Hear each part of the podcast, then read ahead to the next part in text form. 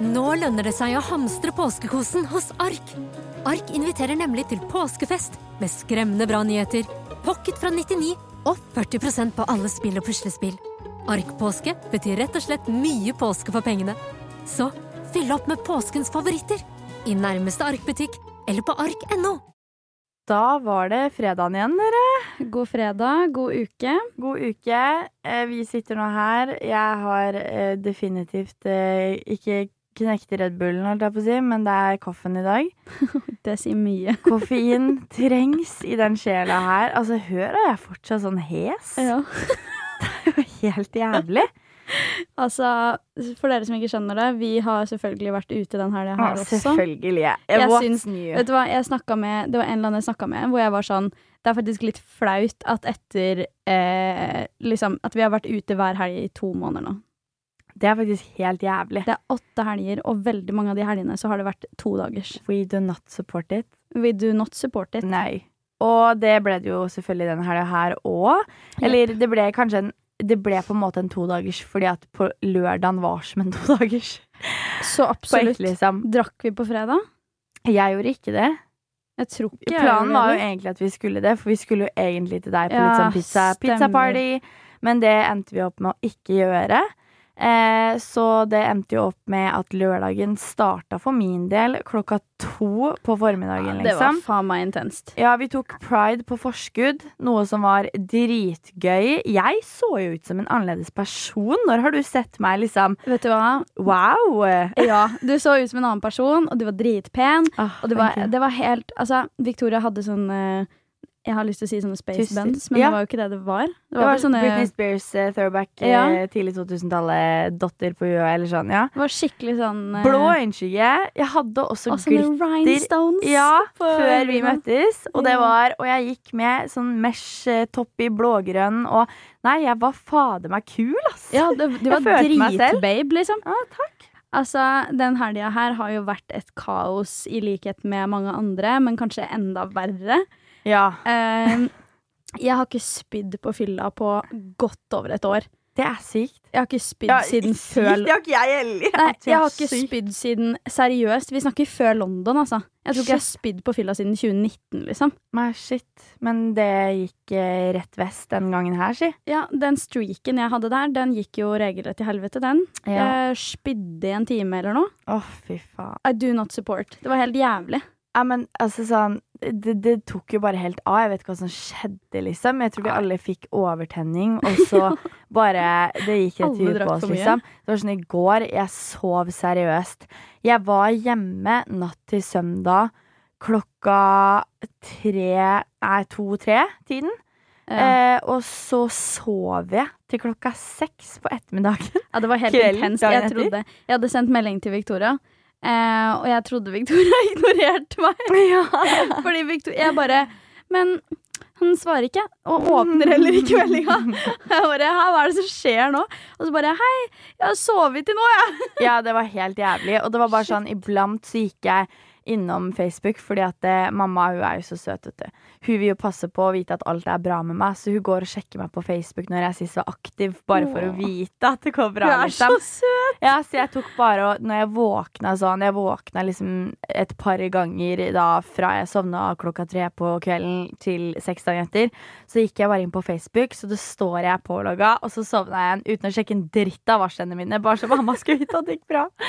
Men jeg var helt, jeg var helt kjørt. Eh, sto opp. em, så på Love Island Australia. Um, Oi, ja, en ny twist der, det var jo sp spenstig. Det var spenstig. Bestilte burger fra sånn skikkelig burgersjappe dagen derpå. på Masse saus, mais og fett, liksom. Du fikk den dagen der på opplevelsen jeg ville ha forrige helgen. ha Når, vi, når det ikke ble, for å si det sånn. Så, og så gikk jeg og sovna egentlig rimelig fort igjen. Altså sånn ellevetiden, kanskje. Jeg var helt kjørt. Og så våkna jeg, da. Og dum som jeg var. Altså For det første har jeg ligget og drømt om seriemordere hele natta. Det passer deg bra, Sara. Seriøst, altså. Det, den verste følelsen er å våkne opp og ha så mareritt at det, du har frysninger over hele kroppen. Ja. Du er helt, du vet hvor du, hvor du skal gjøre av deg, liksom. Det er så forstyrrende, og du bare Hvor er jeg? Hvem er, er Hvor er den? Er For det, jeg drømte da at denne seriemorderen pulla opp utafor leiligheten min, sto der i bilen sin, bare med kniven i hånda og venta på at jeg skulle komme ut, liksom. Det, det er så skummelt. Jeg er blitt så påvirka av den derre eh, eh, The Abduction of Lisa McWay. Ja. Ja. Jeg har ikke sett den, men noen, noen TikTok-kontoer er sånn at de legger ut nesten en hel film, serie, sånne ting. Ja, Så jeg ble liggende og se på dette da på TikTok på kvelden. Ja. Det er jo så dumt. det er jo så dumt, og jeg ble jo så påvirka. Og det er det jeg syns er litt sånn nå, nå, altså, nå merker jeg at jeg bare spora til det ene og det andre her. Men apropos drømmer, dere. Det må jeg bare si, altså. Fordi at forrige dagen så sendte jeg faktisk Sara en Snapchat fordi jeg har hatt en fæl gjentagende drøm. Ikke om seriemordere, for å si det sånn, men jeg har en drøm om en eh, person jeg har hatt kjærlighetssorg for. Ja. Eh, en gjentagende drøm som bare gjentar seg og gjentar seg og gjentar seg.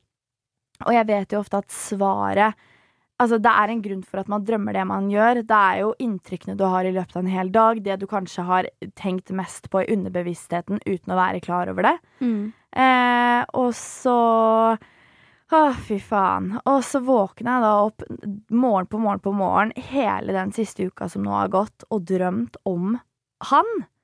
Og jeg har Det vært så sånn, hva, ubehagelig. hva er det som gjør at jeg drømmer om han? Fordi at jeg er ferdig, liksom. Hilsen ikke Victoria klokka tre denne helgen her. Men da sitter jeg med blå, blå øyenskygge, gnidd utover hele trynet, griner og sier sånn Når skal jeg noensinne komme meg over han? Tok masse videoer av meg selv. Det er sånn standard Victoria skrev på fylla, liksom. Så etterpå Nobody, nobody, nobody compares to Favorittkjærlighetssangen Så min. jævlig gøy. Det er jo et kaos i hodet mitt, og det hører dere kanskje i dag, så i dag bare babler jeg, liksom. Men har du hatt en gjentagende drøm noen gang? Apropos når vi er inne på drømmer. Eh, ja, og den her er kanskje litt sånn uh, scary, fordi Tell me.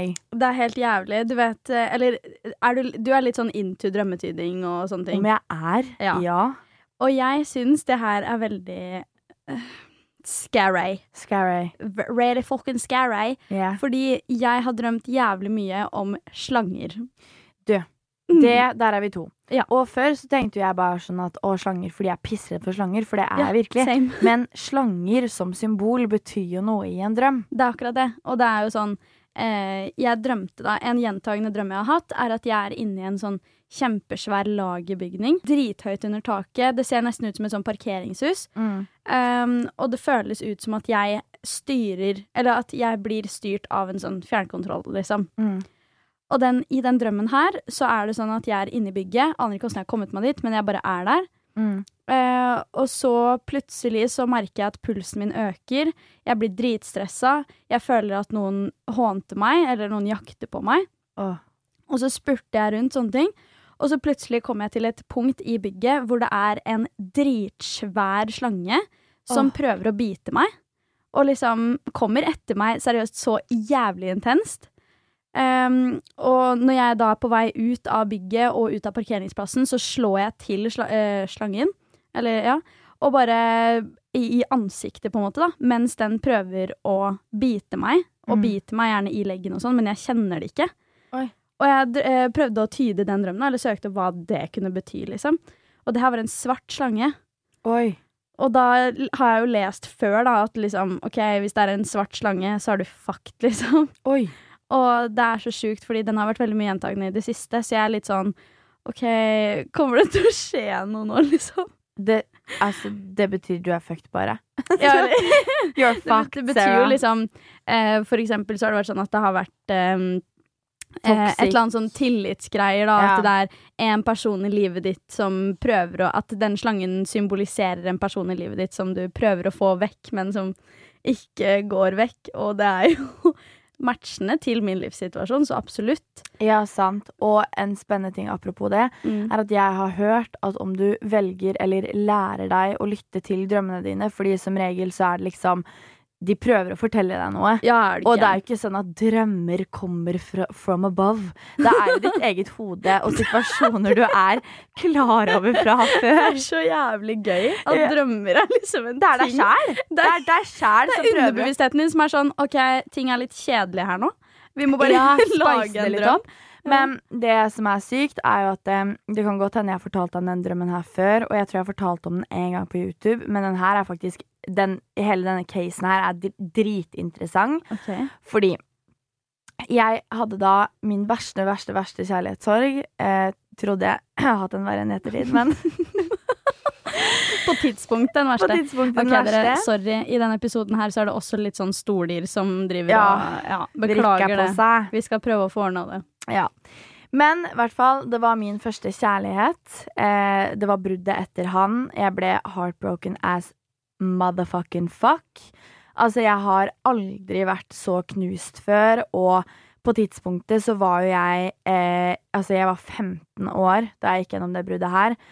Ikke vett i huet. Gjorde kjempedumme valg, så jeg slutta å spise, jeg slutta å sove. Jeg var så hjerteknust. Jeg endte opp på min første skikkelig fyllekule, som i dag, ha-ha, er en lættis historie, men det kunne gått så galt, liksom. Det er det. Eh, fordi jeg var så Jeg var syk av kjærlighetssorg. Jeg følte det så sterkt psykisk at det ble fysisk. Noe som var skummelt. Og så, det ble da slutt med meg og han fyren her i slutten av mai. Faktisk 18. mai, om jeg skal være presis. Eh, og jeg gikk jo da en hel sommer med livets verste kjærlighetssorg. Og når man ikke har gått gjennom en kjærlighetssorg før, så vet man jo faen ikke hva som skal til for å komme seg gjennom det. Mm. Man føler seg jo som verdens mest alene person, og man tenker at ingen føler det samme som hva jeg gjør. Jeg er den eneste som står i en situasjon som det her, Mm. selv om det ikke er casen, men det føles jo sånn. Og i hvert fall når man ikke har gått gjennom en kjærlighetssorg før, så tror man jo at det, jeg kommer aldri til å komme over det, det er ingen som dette mennesket, det er bare den personen jeg vil ha. Og det var jo meg selv i den situasjonen. Jeg gikk jo rundt og tenkte at han var den eneste. Og jeg prøvde, men gikk nok ikke ordentlig hardt inn for å komme meg over det. Jeg prøvde bare å liksom undertrykke følelsene mine. Tenke at sånn er det, ja, ja, ja, vi fester og vi hooker og der, der, der, der, der, så går det sikkert over etter hvert. Men jeg jobba ikke for å komme meg gjennom det. Mm. Men der kicka jo en drøm inn som var jævlig interessant, fordi at jeg var kommet til et punkt hvor jeg var sånn Jeg følte meg bare nummen av kjærlighetssorg. Mm. Eh, og jeg hadde så mange løsninger på hvordan å komme meg over det, men jeg gjorde ingenting for å bruke de løsningene, om det gir mening. Mm. Så jeg hadde da en drøm som høres helt kaos ut, men som gir så mye mening når jeg forteller det og har tolka min egen drøm, da. Mm. For som sagt, det sies jo at når man har klart å liksom tolke drømmen, løse problemet i drømmen, så vil du også komme deg over problemet i det virkelige liv. Ja, stemmer. Så det jeg da drømmer om, det er at det er meg og min familie, eh, og så er det da to av kompisene til da min eks, min første kjærlighet, Mm. som var samla. Og vi var samla Vi var eh, i Liseberg, av alle ting. Kjørte berg-og-dal-baner som gikk opp og jeg du ned. har. Ja, ja, ja. Gikk opp og ned på kryss og tvers og om hverandre. Berg-og-dal-baner, you know. Eh, vi hadde leid oss et hus som vi skulle sove i, som føltes veldig trygt, men som viste seg ikke å være så trygt allikevel. Eh, fordi plutselig så får jeg beskjed om at det kommer inntrengere og mafiaer, og de skal drepe oss. Så jeg får da beskjed om at Victoria, du må lokke alle vinduer og dører, fordi de hadde jeg Jeg hadde visstnok åpna hvert jævla vindu og hver jævla dør i hele det huset. Ikke spør meg hvorfor jeg hadde gjort det i drømmen, men det hadde jeg altså gjort. Og jeg får da beskjed om at Victoria, du må lokke det her nå før de inntrengerne liksom kommer og dreper deg, liksom. Og oss alle. Ja. Ehm, så jeg spurter da opp. Lukker absolutt alle vinduer og dører og alt jeg finner, men så er det én stor hoveddør igjen. Og foran meg så ligger det en skål med nøkler, altså uendelig med nøkler. Jeg putter inn hver eneste nøkkel i den døra, og alle passer, men jeg får ikke låst døra. ja. Eh, og så, det som da skjer, er at plutselig ser jeg inntrengerne. Jeg blir mer og mer desperat, men jeg bare gir opp. Jeg bare jeg bare gir opp i drømmen. Så det ender opp med at mafiaen, eller hva faen det var, skyter meg. Og så ser bare familien og alle som står meg nært, da, ser på meg, og så sier de at det, Så sier jeg 'jeg kommer til å dø, jeg kommer til å dø, jeg kommer til å dø', sier jeg drømmen. Og så sier bare alle rundt meg, som jeg er så glad i, da, at det, det føles som du dør, Victoria, for det gjør så jævlig vondt, men det gjør det ikke. Dette kommer til å gå bra. Og så ser jeg på de, og så sier jeg 'ja, det kommer til å gå bra'.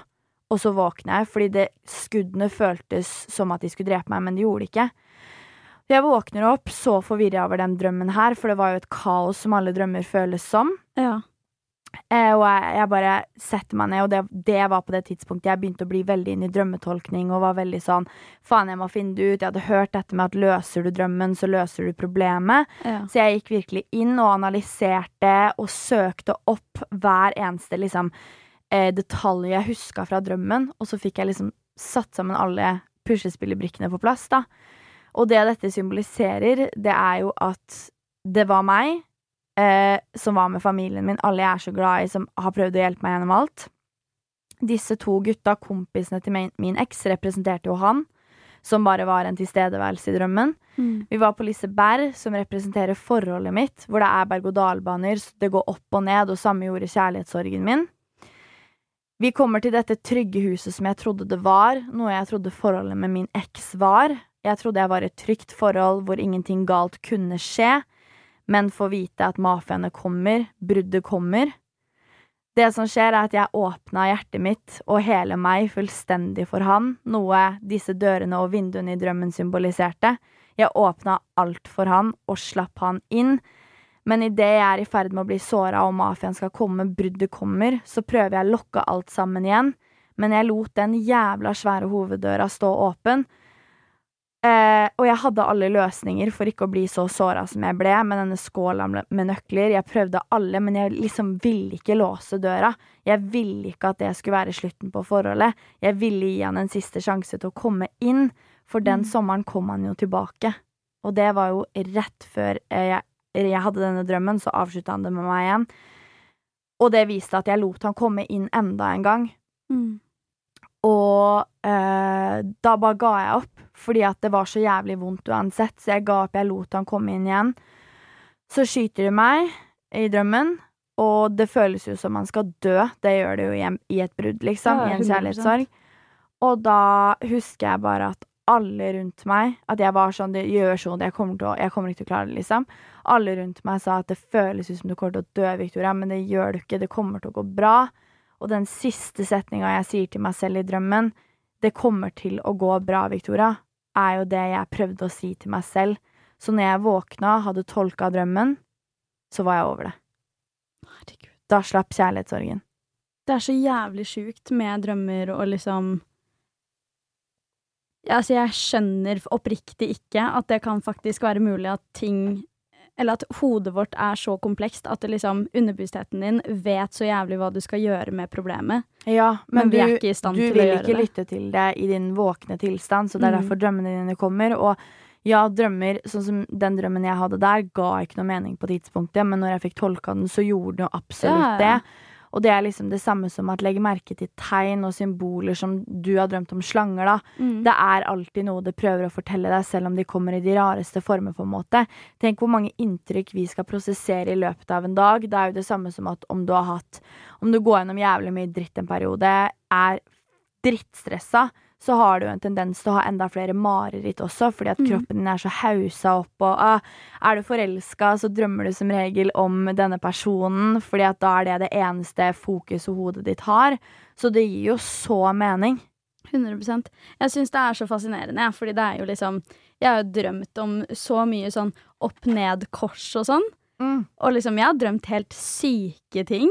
Og det er sånn, hvis jeg først drømmer, så er det alltid mareritt. Det er sånn, jeg kan ikke huske Mener sist sist Ja! Jeg kan ikke huske sist jeg hadde en drøm som bare var sånn eh, All butterflies Chill. and roses, liksom. Oi, Ikke Det er så lenge siden. shit. Så det, det, men det er så sjukt, fordi det er bare sånn Alle mareritt jeg sitter og har, eh, og liksom hvordan jeg føler meg når jeg våkner, det er jo sånn Det, det, det er ganske sjukt at en drøm kan få deg til å oppriktig få kjærlighetssorg, liksom. Men vet du hva? Det er morsomt at du sier det, fordi Jeg vet ikke, eller det har du garantert opplevd. Fordi det er sånn Iblant så drømmer man jo om personer man kanskje bare har møtt én gang, eller sett en gang, eller er felles venn, eller whatever. Mm. Så drømmer du en skikkelig bra drøm om det, så kan du våkne opp og føle deg forelska. Ja, Da blir du helt obsess med den personen. Og derfor tenker jeg sånn Tenk hvor mange som kanskje drømmer om oss. Skal jeg fortelle deg en Ja. ting? Hva da? Du vet han fyren i parken som jeg kjente litt fra før av? Ja.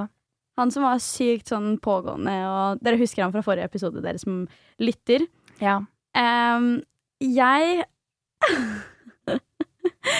Første gang jeg møtte han, superhyggelig. Det var sånn shit, vi viber, drithyggelig, alt mulig. Mm. Og så har jeg plutselig en drøm. Uh-oh. Og den drømmen er så fæl, fordi Eller den er ikke fæl, den er egentlig hyggelig, men nå i retrospekt så er den veldig fæl. Eh, fordi det er liksom en situasjon hvor vi sitter i en bil, og det er meg, det er han, og det er uh, tre folk jeg ikke aner hvem er, som sitter bak, da. Mm. Så parkerer vi den bilen her på liksom en parkeringsplass, og vi skal inn i en butikk. Og jeg er sånn Å, shit, jeg vil bare ha is. Er liksom min greie i drømmen, da. Mm. Og han da, gjennom hele butikken, følger etter meg. Som om vi ikke kjenner hverandre, men han bare følger etter meg, liksom. Gjennom hele butikken. Og jeg er sånn Hvorfor følger du etter meg? Og han bare Nei, herregud, ikke stress med det, liksom. Og så fortsetter å følge etter meg. Og når vi går ut i bilen, så har han da gått før meg. Og når han setter seg inn i bilen, så begynner bilen å brenne. Og jeg bare Hæ? For da sitter jo ikke jeg i bilen. Og da syns jeg det er så jævlig rart at liksom den, Det der er lenge siden jeg drømte, liksom. Vi snakker kanskje et halvt år siden. Mm. Og så plutselig møter jeg en park og føler på, på det samme da som jeg følte i drømmen. At liksom, shit, han faktisk følger etter meg. Det er ubehagelig. Shit, for du syns jo det var veldig ubehagelig i den parken. Det er veldig Så rart. sykt. Det var sikkert en Men det, det tror jeg også på, at drømmer kan gi deg advarsler. 100 100% Ja. Jeg drømte jo at eh, Eller i en drøm når jeg var, var liten, i sånn syvende klasse, da hadde farfaren min kreft. Mm. Eh, og da var det en periode hvor vi liksom fikk vite at han hadde fått spredning til hjernen og sånne ting. Oh. Og det var helt jævlig. Da skjønte jo vi at det gikk én vei. Mm. Eh, og jeg var jo da elleve år. Mm. Og gjennom drømmene mine da, så var det sånn I hver eneste drøm jeg hadde, så var det en sort engel. Og det var helt. Ja, det var helt jævlig.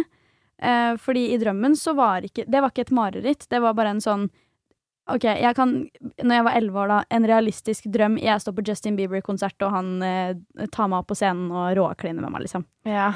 Det kunne vært en sånn drøm, bare at du så en svart engel på siden. At han bare var der. Am- Å, fy faen. Eller at den sorte engelen bare var der. ja. Shit. Og da tok det liksom Ja, hva da? To måneder, kanskje. Så døde han. Det er helt sinnssykt. Det er helt sykt. Men, men, men der igjen, for jeg har, har en eh, på en måte lignende drøm. Eh, til dere som har hørt eh, Ånd og vitenskap, podkasten til Lilly Bendriss og Camillo Løken, så gjesta jo jeg, eh, og der snakka vi om nettopp dette med drømmer, fordi jeg har hatt ganske mange creepy opplevelser. Jeg elsker at det her ble en litt sånn creepy episode, litt sånn uforklarlig. Oh. Men det, jeg har hatt ganske mange ekle opplevelser med drømmer. Mm. Eh, hvor jeg både har opplevd det å være sanndrømt på mange ting. Mm. Og, og nå er det sikkert mange som får panikk og er livredde for at de drømte at de døde i går, og så dør de i dag. Det er jo ikke casen. Det skjer jo ikke heller. Nei, men det kan være liksom advarsler eller sånne ting, fordi at eh, et eksempel på min sanndrømthet, ja, er med eksen min. Mm. Fordi at eh, det hadde blitt slutt, eh, og så den sommeren så starta jeg å ha drømmer om han. Da hadde ikke jeg drømt om han på lenge, noe som egentlig er ganske rart, i og med at jeg gikk jo gjennom en kjærlighetssorg, men Mm. jeg drømte ikke om han. Mm. Noe som var superrart, fordi det tok opp så mye av dagen min. Mm. Men jeg begynte å drømme om han sånn i juli den sommeren. Og det jeg drømmer da, er rett og slett at han går på stranda med en eh, ny jente. Eh, hånd i hånd. Eh, tar og knipser masse bilder sammen. Åpenbart på ferie i drømmen. Eh, står med paraplydrinkene og vasser liksom i vannkanten, da. Og jeg våkner opp og har liksom den verste følelsen. Og jeg, da husker jeg våkna opp og tenkte ikke åh, så deilig at det bare var en drøm, fordi jeg visste at dette er ikke bare en drøm. Mm. Eh, så går det noen timer den dagen, og så får jeg tilsendt en Snapchat fra en eh, veldig god venninne av meg, som sier at eh, jeg vil ikke sende deg det her, men jeg tror du burde se det. Og da var det eksen min på ferietur sammen med en ny, Fy faen. gående på stranda, Akkurat sånn du hadde sett i drømmen. akkurat liksom. sånn jeg hadde sett i drømmen. Og det var jo hun samme jenta i drømmen som det var faktisk på ordentlig. Og hvorfor skulle jeg Hvorfor skulle det vært liksom en realistisk drøm? Hvorfor faen skulle de vært på ferie sammen? Altså, Det er det ga ga jo ikke mening, og så drømmer jeg om det, og så er det sant. Mm. Og jeg har hatt flere sånne caser hvor jeg bare har drømt at jeg har blitt kontakta av folk som jeg ikke har snakka med på en evighet, og dagen etter blir jeg kontakta av dem. ja, sant. Det er helt fucka. Og em, drømmen du hadde da, eh, da farfaren din var syk Mm. Jeg hadde en Som jeg fortalte da jeg gjesta i podkasten til Lilly Bendriss og Camillo, så fortalte jeg om den drømmen her, fordi den er helt sinnssyk. Og da eh, oldefaren min døde i 2019, starten av 2019, og da var det bare et par dager etter han hadde dødd, og da husker jeg at eh, jeg eh, drømmer om han. Det er meg og mamma i drømmen, oldemor og oldefar. Oldemor lever enda, men jeg drømmer bare at vi var hjemme hos dem. Oldefar sitter i stolen sin som alltid. Og så er jeg bare sånn I drømmen vet jeg at han er død. Det var ikke sånn at jeg drømte at han Da levde vi, og det var, ting var som før. Jeg visste han var død i drømmen min. Mm. Så går jeg bort og er bare sånn Det er så fint å se deg, liksom, og går det bra med deg, liksom? Altså Og så eh, sier han bare til meg i drømmen at eh, Jeg tror vi trenger å prate, Victoria. Sett deg ned, liksom. Jeg bare sånn Går det bra? Så sa han ja, det er viktig for meg at du vet at det går bra med meg. For oldefar hadde veldig dødsangst. Altså, oldefar var eh, lim i familien. Han var eh, showman. Han var eh, den Han var liksom min rollemodell. Han er den alle beskriver og sier at er mest lik meg. Mm. Veldig utadvendt og veldig sånn uh, Kunne prata med en stein, på en måte. Ja.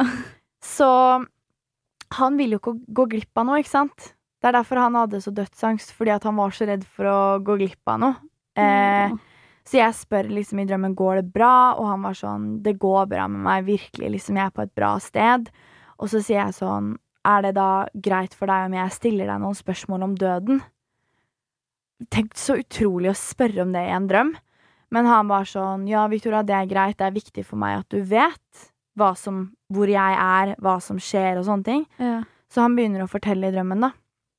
Så sier han at eh, akkurat nå, der jeg er nå, så er det som at jeg ligger og ser opp i en evigvarende himmel. Jeg er på et sted der hvor tid ikke eksisterer, så for dere så kan det ha gått ett år, mens for meg så har det bare gått et sekund. Og jeg er så i meg selv og på et sted hvor sansene mine er så skjerpa at jeg til og med kan høre at tåka kommer. What? Og for, eh, altså, da tenker jeg, hvordan skulle min underbevissthet ha dikta opp noe så liksom Det er helt presist? presist? Ingenting jeg har hørt før. Og når jeg snakka med Lilly Bendriss, da, altså igjen til dere som ikke eh, enten eh, har fått med dere nyheten eller ikke fulgt med på forrige episode, så slapp jeg nyheten om at jeg er programleder for Spøkelsesjegerne, som kommer på Discovery Pluss og TV Norge. Og der er jeg jo med klarsynt til Lilly Bendris, og jeg syns jo det er så spennende å snakke med Lilly om alt det her. Og etter å ha fortalt den drømmen til Lilly, så fortalte jo Lilly meg at Victoria, det var faktisk han som prata med deg i den drømmen.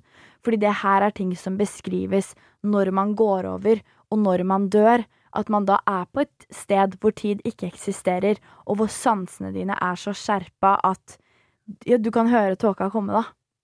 Hva faen? Ja. Det er det sjukeste jeg har hørt. Ja, så jeg, si, si, jeg får helt sjokk, liksom, for jeg har alltid bare tenkt sånn, det var sikkert bare en drøm, men Lilly sier at nei, det var faktisk han som kom og prata med deg. Å, fy faen. Ja, og i den drømmen da, etter han har sagt det med at man kan høre tåka komme, så er det som at han dør på nytt. Mm. Og så er han bare sånn, sier til meg Men Victoria, jeg har det bra, OK? Og si det til alle de andre også. Jeg har det bra.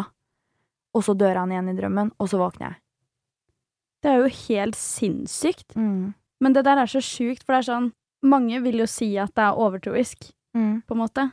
Men hvordan kan det Altså sånn Du har en drøm som liksom skal være underbevisstheten din, men så plutselig skjer, skjer sånne ting. Det Ja, for det er ikke aldri noe jeg har hørt noe om før. Nei. Jeg har tenkt sånn som vi alle tenker, at da går man inn i lyset, og så er man on the other side. Jeg vet ikke. Men så får jeg vite det av oldefaren min som akkurat har gått bort i en drøm, som forteller meg ting jeg aldri kunne tenkt meg til i våken tilstand. Ting jeg aldri har hørt før, verken på liksom dokumentarer, bøker, internett, whatever. Det er det sjukeste jeg har hørt, faktisk. Ja.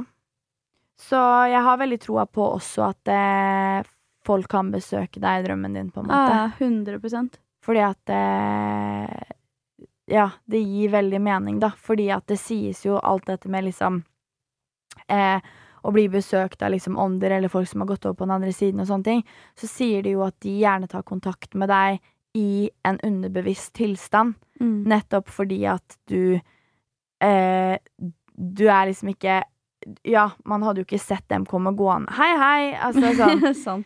De tar kontakt med deg når du er Når du sover, når kroppen din er helt avslappa, når du ikke er helt til stede. Mm. Det gir jo veldig mening.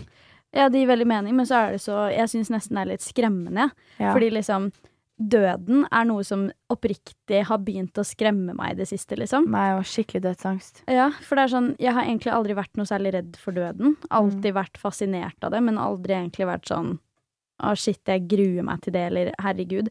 Men nå i det siste så har det vært sånn Hvis jeg hører at noen dør, så er jeg sånn OK, da er det meg neste, liksom. Og det er så skummelt å tenke sånn. Veldig. Og så er det sånn jeg, Det høres jo så teit ut fordi at vi er 21 og 22, liksom. Men jeg føler på ekte at vi begynner å bli eldre. Fordi, Jeg også. Og det er så ekkelt, fordi det er sånn folk rundt oss, de får barn, de gifter seg. Ja, fy Og faen. ja, den feeden på Insta, den er, er ikke pen. helt, nei, den er helt sinnssyk, og jeg er ikke der i livet mitt ennå at det er Nei. giftermål og barn, liksom. Jeg, så jeg klarer ikke å holde samtalen med en fyr på Tinder, liksom. Så det, Det er er sånn. og det er sånn, ja, når folk rundt da begynner å dø og falle fra, og liksom, det er for jævlig. Mm. For, på ekte for jævlig. Jeg syns det er helt jævlig, og så er det i hvert fall det med på en måte For meg så er det den angsten jeg sitter med overfor det, er liksom sånn OK, når jeg dør, eh, hvordan kommer folk rundt meg til å ha det? Eh, og hvis Altså, når er neste gang jeg skal miste noen? Altså Mm. sånn Jeg har ikke lyst til å gå i en begravelse til, jeg. Ikke jeg heller. Det er, Og det er helt fælt. jævlig. Jeg husker sist jeg var i begravelse, det var i fjor sommer til oldemoren min. Mm. Faen, jeg har vært så heldig som jeg har hatt oldeforeldre så lenge, ass. Mm. Jeg har fortsatt to gjenlevende oldemødre. Har du det? Ja. I alle dager! Da er du skikkelig heldig, da. Ja. Jeg mista min siste nå eh, Ja, 2019, tror jeg. Ja. Må det ha vært. Det var før korona, i hvert fall. Ja. Og min eh, Altså eh, Ja, min ene oldemor, da. Eh, min eh, Ja, min tredje, holdt jeg på å si. Jeg hadde, jeg hadde det surret i toppen her? Nå er det surret i toppen, ja. Jeg hadde tre i fjor på dette tidspunktet her. Ja. Og hun døde, hun, en av dem døde i fjor sommer. Ja. Og mm, da hun døde, så husker jeg var i begravelsen, og så tenkte jeg sånn Faen, så jævlig ikke vite hvem neste er. Sånn, altså, jeg er så redd, liksom. Det er akkurat det. Jeg er men jeg er mer redd for å miste noen jeg er glad i, enn å dø selv. Jeg også. Fordi Men jeg jeg, synes det er kommer så ikke til å jævlig. takle det. Jeg syns det er så jævlig bare den Ja, shit, nå må vi i en begravelse. Åh, åh, fy faen, Vet det er det hva? verste jeg vet, altså. Jeg skulle ønske, men det er jo umulig, sant, når noen blir borte, liksom, og skulle liksom feire, for det er mange som er sånn, vi skal feire livet den personen har levd. Jeg klarer jo Mm. ikke det. Altså sånn på ekte. Jeg Man gjør jo det litt, da, i en begravelse. Ja, det er jo det man gjør. Man hedrer jo personen og snakker om livet, men jeg kan ikke sitte der og feire og, og smile. Drikke fireball og shotte, liksom. Nei, jeg Men- er jo så knust. Men det jeg syns Fordi etter Jeg har vært i to begravelser i mitt liv. Den første jeg var i, det er jo da farfaren min sin begravelse. Hvor jeg var Da var jeg vel blitt tolv år. Eh, og liksom der husker jeg at der var det jo helt jævlig. Der hadde jo jeg egentlig vært sånn Jeg kan synge i begravelsen og sånne ting. Mm. Og så hadde vi øvelse før um, Eller liksom rehearsals, da. Rett før um, selve på en måte seremonien. Mm. Hvor jeg da knekker sammen. Mm. Og da skulle jeg synge 'Tears in Heaven' av Eric Nei. Clapton. Å, fy faen. Og det er altså den sangen jeg samme året oversatte til norsk i musikktimen i åttende klasse. Og så fikk jeg femmer fordi jeg grein under fremføringa mi. Nei, faen, det burde gitt deg sekser, da. Jeg vet det. Hun sa du hadde fått sekser hvis ikke du gråt. Men hva faen? Det er jo innlevelse, for faen, kjerring. Så absolutt. Men jeg klarte jo ikke å synge det, ikke sant. Det var jo bare sånn Det var helt grusomt. Men uansett, jeg hadde gitt det en sekser bare på grunn av de tårene, jeg. Al alt med begravelser føler jeg har så mye med eh, omgivelsene, på en måte. Sånn Ja. Farfar da som døde av en sykdom, det er sinnssykt urettferdig. Han var ikke så gammel at han burde dødd. Det er det. Eh, det var ikke alderdom. Det var en, en grusom greie, liksom. Her har han kjempa for livet sitt i et år, liksom. Skal man liksom bare av Det føles så Det føles så teit, Det føles urettferdig, ja. Ja. Kan jeg bare skyte inn noe fra sida her? Jeg liker at nå får alle lytterne våre høre våre moods dagen derpå, liksom. Det er enten panisk og hysterisk latterkrampe, eller så er det død og begravelse. RIP. To dager etter vi har vært på film. Helt jævlig! Altså, skjønner du? Det er dypt, altså. Men det er jo helt sykt. Jeg, for jeg har tenkt mye på det begravelsesgreiene. Jeg hadde jo sittet oppe i himmelen på den skya, klisjé som det er, Ja. eh, og titta ned og fått dårlig samvittighet fordi jeg har dødd, liksom. Og her sitter folk og er lei seg og griner. Ja. Jeg vil jo heller at folk skal sitte og heller ha det gøy, da, og snakke sånn shit, mimre på de good old days, liksom. Jeg vet hvor jævlig jeg hadde det i etterkant av begravelsen til eh, farfar, liksom. ja, sant. Det var jo alle de drømmene i forkant av at han døde. Plutselig eh, skal han eh, Eller plutselig må vi feire tredje juledag uten han fordi det er bursdagen hans. Oh. Så må alle sammen sitte og liksom Shit, der burde egentlig han sitte. Han var en så sinnssykt bra mann, liksom. Mm. En, en man har lært så mye av. Herregud, så gode ord han kom med. Mm. Alle de tingene der. Det er jo derfor, for meg så er det liksom Jeg skulle nesten ønske at man hadde mer positivitet inn i en begravelse. Skjønner du hva jeg mener? Ja. Uten at det skal bli sånn, sånn teit, sånn ja, ja, ja, selvfølgelig. Det vondeste jeg opplevde, var i begravelsen til eh, oldefaren min i 2019. mm. og se oldemor. Ja. Hun var helt knust. Og det er en ting jeg egentlig har lyst til å snakke litt om også, fordi dette med I dag så føler jeg at det er så enkelt Mm. å være sånn ja, ja, Tinder-sveip, matcha, uh, funka ikke. Uh, on to the next. You next. Ingen mennesker i dag er villige til å kjempe for kjærligheten, mens det gjorde den eldre generasjonen. Sånn som oldemor og oldefar, da. Og det er sånn, sånn som min oldemor som døde i fjor sommer. Altså, jeg ble så inspirert og liksom jeg ble så varm i hjertet mitt når jeg fikk høre liksom kjærlighetshistorien til hun og da min oldefar. Mm. Eh, min andre oldefar eh, døde i 2007. Og oldemor og oldefar, dette er en love story, ass. Åh. Fordi jeg er alltid veldig sånn Å, jeg vil høre hvordan folk møtes, for å vite Ja. hvor jeg potensielt Jeg også. skal møte meg. Jeg også. Ja, og jeg vil møte noen the old way. Jeg Ja, vil ikke ja. møtes pga. Tinder. Jeg vil møtes fordi at man har sett hverandre og vært sånn wow. Mhm. Og Ironien i det er at vi i forrige episode snakka om at vi liker ikke sjekking på gata. Ja, litt. Men jo, men jeg liker om det er liksom ikke sånn ekkelt sånn Serr en sommerfugl. Ja. Om det er en som er sånn shit, du er nydelig, liksom. Ja, ville bare si det. Ikke, ikke nødvendigvis være sånn gi meg nummeret ditt, gi meg Altså, Ja. skjønner du? Men Helt enig. ja, og oldemor og oldefar Oldefar, han var en av verdens mest berømte operasangere. Var han? Ja. Og oh. han eh, var altså Jeg fikk vite det, jeg var ikke klar over det sjæl engang. Men eh, eh, mamma har jo fortalt meg at da Fordi opera var jo så sykt Det er jo det samme som pop er nå, liksom. Eh, Opera før i tiden var jo det største. eh. Så da bestefar var liten, så bodde de i Tyskland. Da flytta de fra Norge til Tyskland fordi hovedscenen til oldefaren min var i Tyskland. Oi. Så, han, ja, så de flytta, og skulle han, det var liksom hans scene, da. Ja. Og når de flytta da, så starta jo bestefaren min på tysk skole og sånne ting eh, som det. Og når han liksom Når de barna var sammen, og det var jo store avisoppslag, plakater rundt om av min oldefar, og bestefar skulle si sånn 'Å, det er pappa', de var sånn Bullshit, sa de ungene. Han var som Michael Jackson på den tiden. Altså. Det var helt sinnssykt. Det er jo dritfett! Ja, han var så svær operasanger, liksom. Og eh, så eh, Måten han møtte oldemoren min på, var at hun var ballettdanser. Nei! Yes. Å, herregud! Så de var Hun var ballettdanser, han var operasanger. Hun var kjempestor ballettdanser, hadde en så stor karriere. Åh. Men hun ga opp sin karriere for at han skulle få leve ut sin drøm. Åh. Det er snakk om å kjempe for kjærligheten, altså. Hallo! Da er jeg sånn Hvem ville vært villig til å gjøre noe sånt i dag? Forstår du? Det er så sjukt. Altså sånn eh, Mormor og bestefar også. Altså, de er så fine. De, altså, de ble jo gravide når mormor var typ 18. Ja. Og så var de sånn OK, men da gifter vi oss. så det var jo Men det var jo sånn det var back in the days. Det var Ja. jo liksom Man skulle jo helst ikke ha barn utenfor ekteskap og Nei, farmor og farfar gifta seg da de var 16. Måtte sende brev til kongen din og spørre om det gikk greit, fordi farmor ble jo prego da hun var 15. Ikke sant? Så det er jo ærlig. Tenk, farmor, farmor ble farmor for meg før hun var 40. Hun var i 30-åra. Ja, just saying. det er ganske sjukt. Det er imponerende. Hun var, 30, hun var 37. Å, fy faen. Det er nå I dag blir fore, folk foreldre på den alderen, liksom. Yep. Det er sjukt. Mm. Men det er så Nei, fordi love storyen til mormor og bestefar også er en sånn ah, De er så fine, liksom.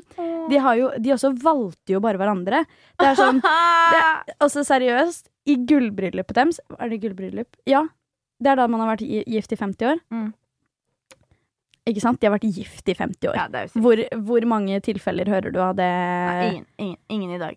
Jeg er sikker på at når vi blir 80, liksom Så har vi hatt fem ekteskap bak oss, og Ja. sitter Og liksom single og drar på 14 Heidis enda, stebarn, liksom. Men det er så nydelig, fordi i gullbryllupet til eh, mormor og bestefar, så ah, Det var så nydelig. Jeg hadde jo aldri vært i gullbryllup før, obviously. Eh, men det var så sykt hyggelig, det var så god stemning. Alle bare lo, alle drakk, og det var taler. Bestefar er ikke en taletype fyr, Mm. men han hadde skrevet tale, og så begynte han å gråte. Nei. Ja, og det var Altså, det er jo sånn så jævlig hyggelig, for da var han bare sånn Tenk at jeg er gift med deg, Oh. og liksom Det var så ny... Seriøst! Jeg er jo redd for ikke å å bli fridd til. Jeg også! Jeg Jeg, sa sa til pappa hvis ikke jeg har blitt fridd til innen jeg er 30, så kommer jeg til å fri sjæl. Ja, det er jo det. Kanskje vi burde bare inngå den avtalen med hverandre nå. Blir vi ikke fridd til innen vi er 30, så frir vi.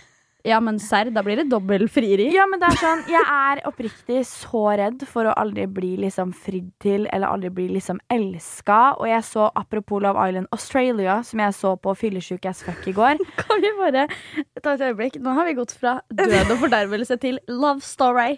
Og jeg er så redd for å ikke være elsket. Altså, om eller? Men det er jo, når jeg så på Love Island Australia i går, så var det altså en fyr Han, han er den derre Du ser for deg at han er litt sånn bad boy, litt sånn slem. Oh.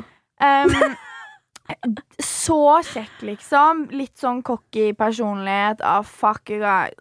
Ja, Der. typisk. Han setter seg ned med jenta han er liksom partnered, coupled up with. Ja. Setter seg ned, og så sier han at du er liksom en helt nydelig jente, da, da, da, da. Men jeg må hjem, fordi min store kjærlighet er hjemme. Den er ikke her. Og det er eksen hans. Han sa uansett om hun tar meg tilbake eller ikke, så må jeg kjempe fordi at jeg tror oppriktig hun er kjærligheten i mitt liv. Så han sa om så Han sa jeg er ikke ærlig mot deg, jeg er ikke ærlig mot meg selv, og jeg er ikke ærlig mot hun. Jeg må hjem. Å, hallo! Så han dro hjem fordi at han var villig til å kjempe for det han hadde der. Og det bretta han ut med på TV for hele verden, liksom. Det, det er Om noen noensinne erklærer sin kjærlighet til meg på den måten, så er jeg tatt, ass. Ja, word. Men hva faen? Altså, seriøst. Jeg eh, snakka faktisk med mamma om det her her om dagen. Mm. Fordi For noen måneder siden så hadde jeg et lite breakdown, dere. Og det her må vi snakke om fordi det var jævlig trist. Det var jævlig trist, liksom. Jeg var hjemme i Svelvik hos mamma og pappa, og så var jeg sånn OK, nå eh, trenger jeg å prate med deg, mamma. Og hun bare Jøss. det var da voldsomt. Ja. Setter vi oss ned og prater, og så sier jeg Altså, jeg begynner faktisk å grine, altså. Mm. Ikke nå, da, for nå går det bra. Men da så satt jeg der og gråt, og legit hulka. Mm. Fordi jeg var så jævlig redd for å ende opp alene. Ja. Satt og snakka med mamma og pappa og bare Åssen skal jeg liksom finne noen som kan elske meg så mye som dere elsker meg, da? Og liksom, hvordan fa Hvem er bra nok, liksom? Og hvem er jeg bra nok for, sa jeg også. Og det her er le- legit et breakdown jeg hadde. Jeg skulle egentlig bare en kjapp tur innom der. Og så ble vi bare sittende og prate, og så sitter jeg legit og bretter ut om at jeg er redd for å ende opp aleine. Jeg er 21 år. Det er det, og vet du hva jeg alltid tenker på da, i de situasjonene? Fordi jeg tror absolutt alle som hører den podden her, kan kjenne seg igjen i det. Vi alle er redd for ikke å finne kjærlighet, og jeg tror det, det er liksom hovedtanken mange sitter med etter et brudd. Mm. At det det er ikke nødvendigvis så jævlig at det, det er slutt med akkurat den personen. For det kan ha vært et usunt drittforhold Ja, ja. uansett, liksom. Absolutt. Men man er pissredd for å aldri finne det igjen, eller aldri få noen. Det husker jeg etter det ble slutt med min forrige eks, Ja. som var et toxic as hell-forhold, liksom. Så sitter jeg i kinosalen et par dager senere og ser på en kjærlighetsfilm, hvor det sitter et par foran meg på radene foran og holder hender og kysser og kliner, og jeg tenker sånn Det der finner jeg aldri igjen. Mm. Men det jeg ofte tenker på Det her kan være seriøst en så stor hjelp for så mange av dere. Som du akkurat sa, da. Vi er bare 21 år. 22 jeg, da. Du er snart 22, du òg. jeg er snart 22, dere. Og da sitter jeg og tenker på at vi lever i 2021. Tenk deg tilbake til 2011. Ti år siden.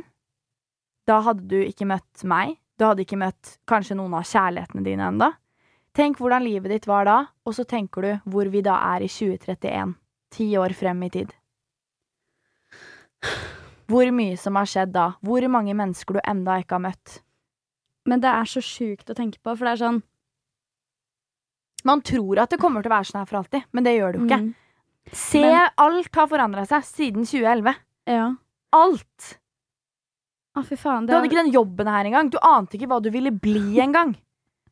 Du hadde ikke møtt meg, du hadde ikke møtt seriøst som jeg sa igjen, noen av kjærlighetene dine. Dine nærmeste venner. sant. Ingen.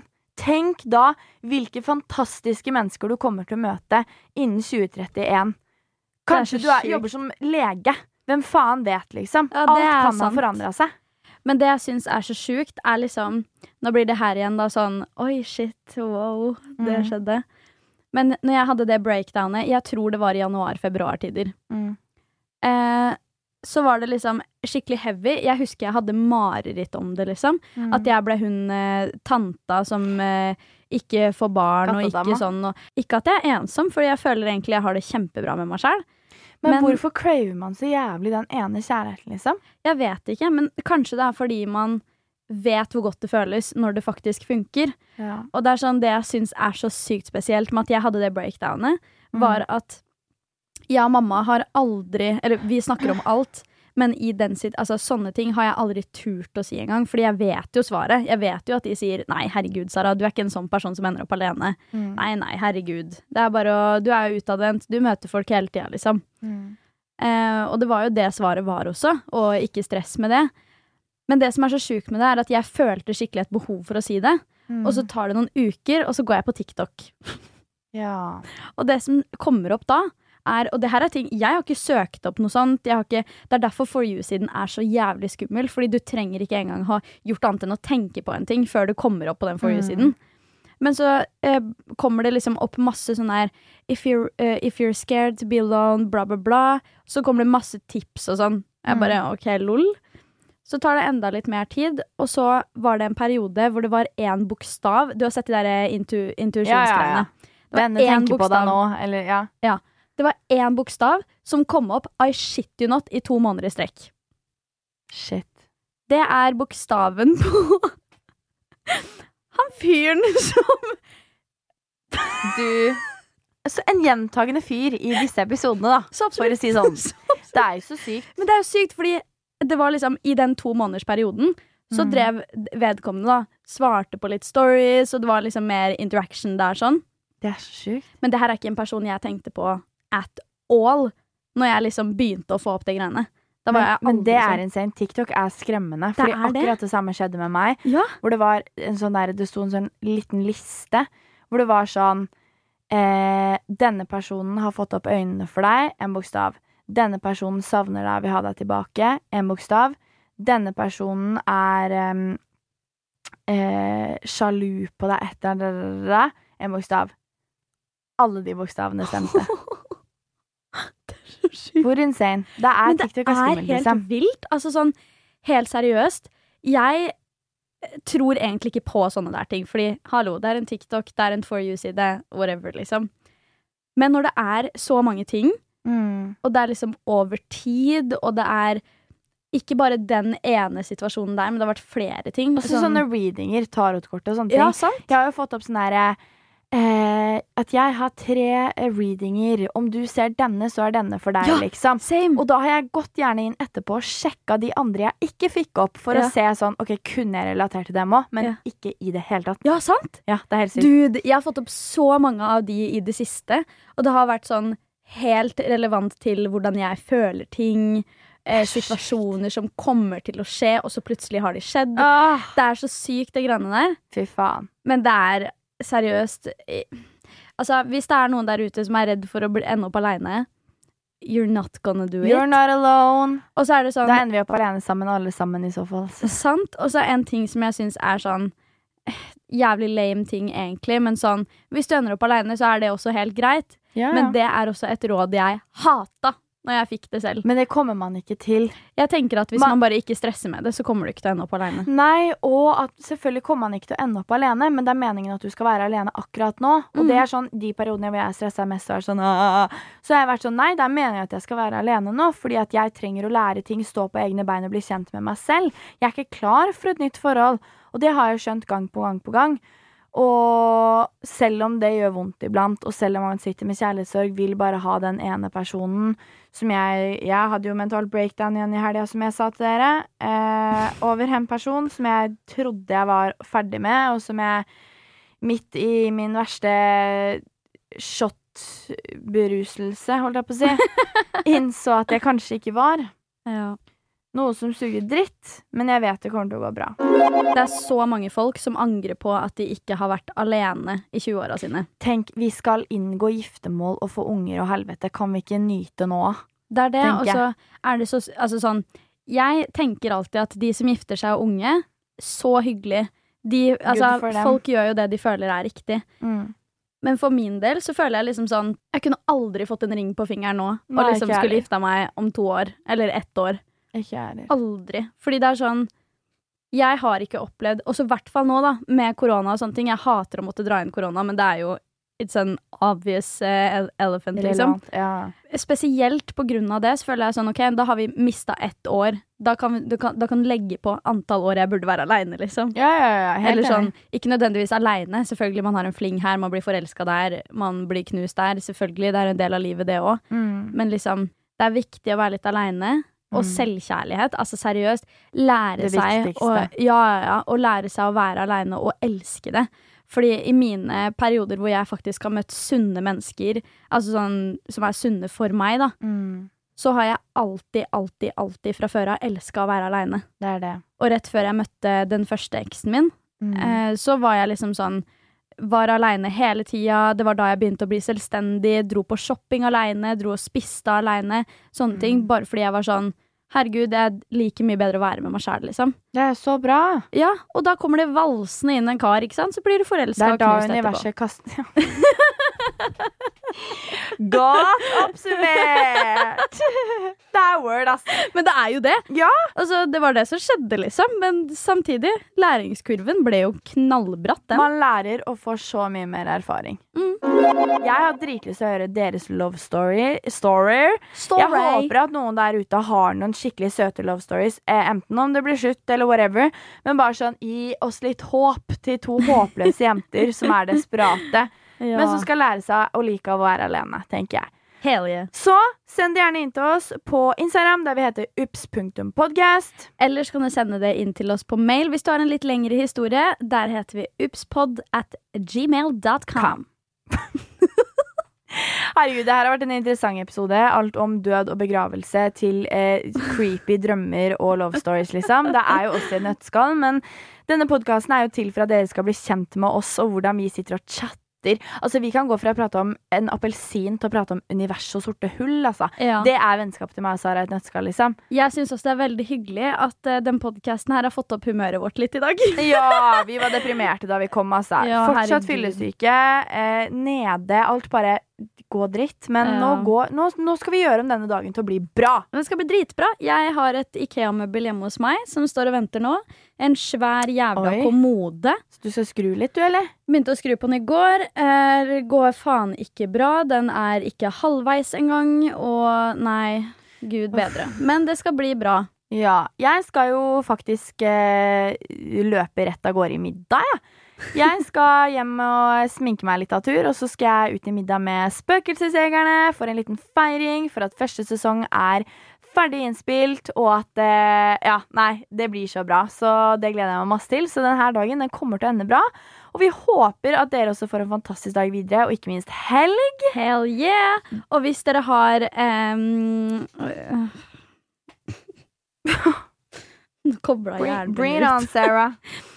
Jeg skulle si at hvis dere har noen upser, noen kleine Ja. moments som har skjedd med dere i det siste, så må dere huske å sende inn til oss på Instagram eller mail. Min største ups fra den siste tiden er at jeg tryna på Voi og knuste, totalknuste telefonen min. Jeg skulle til å si det. Mm.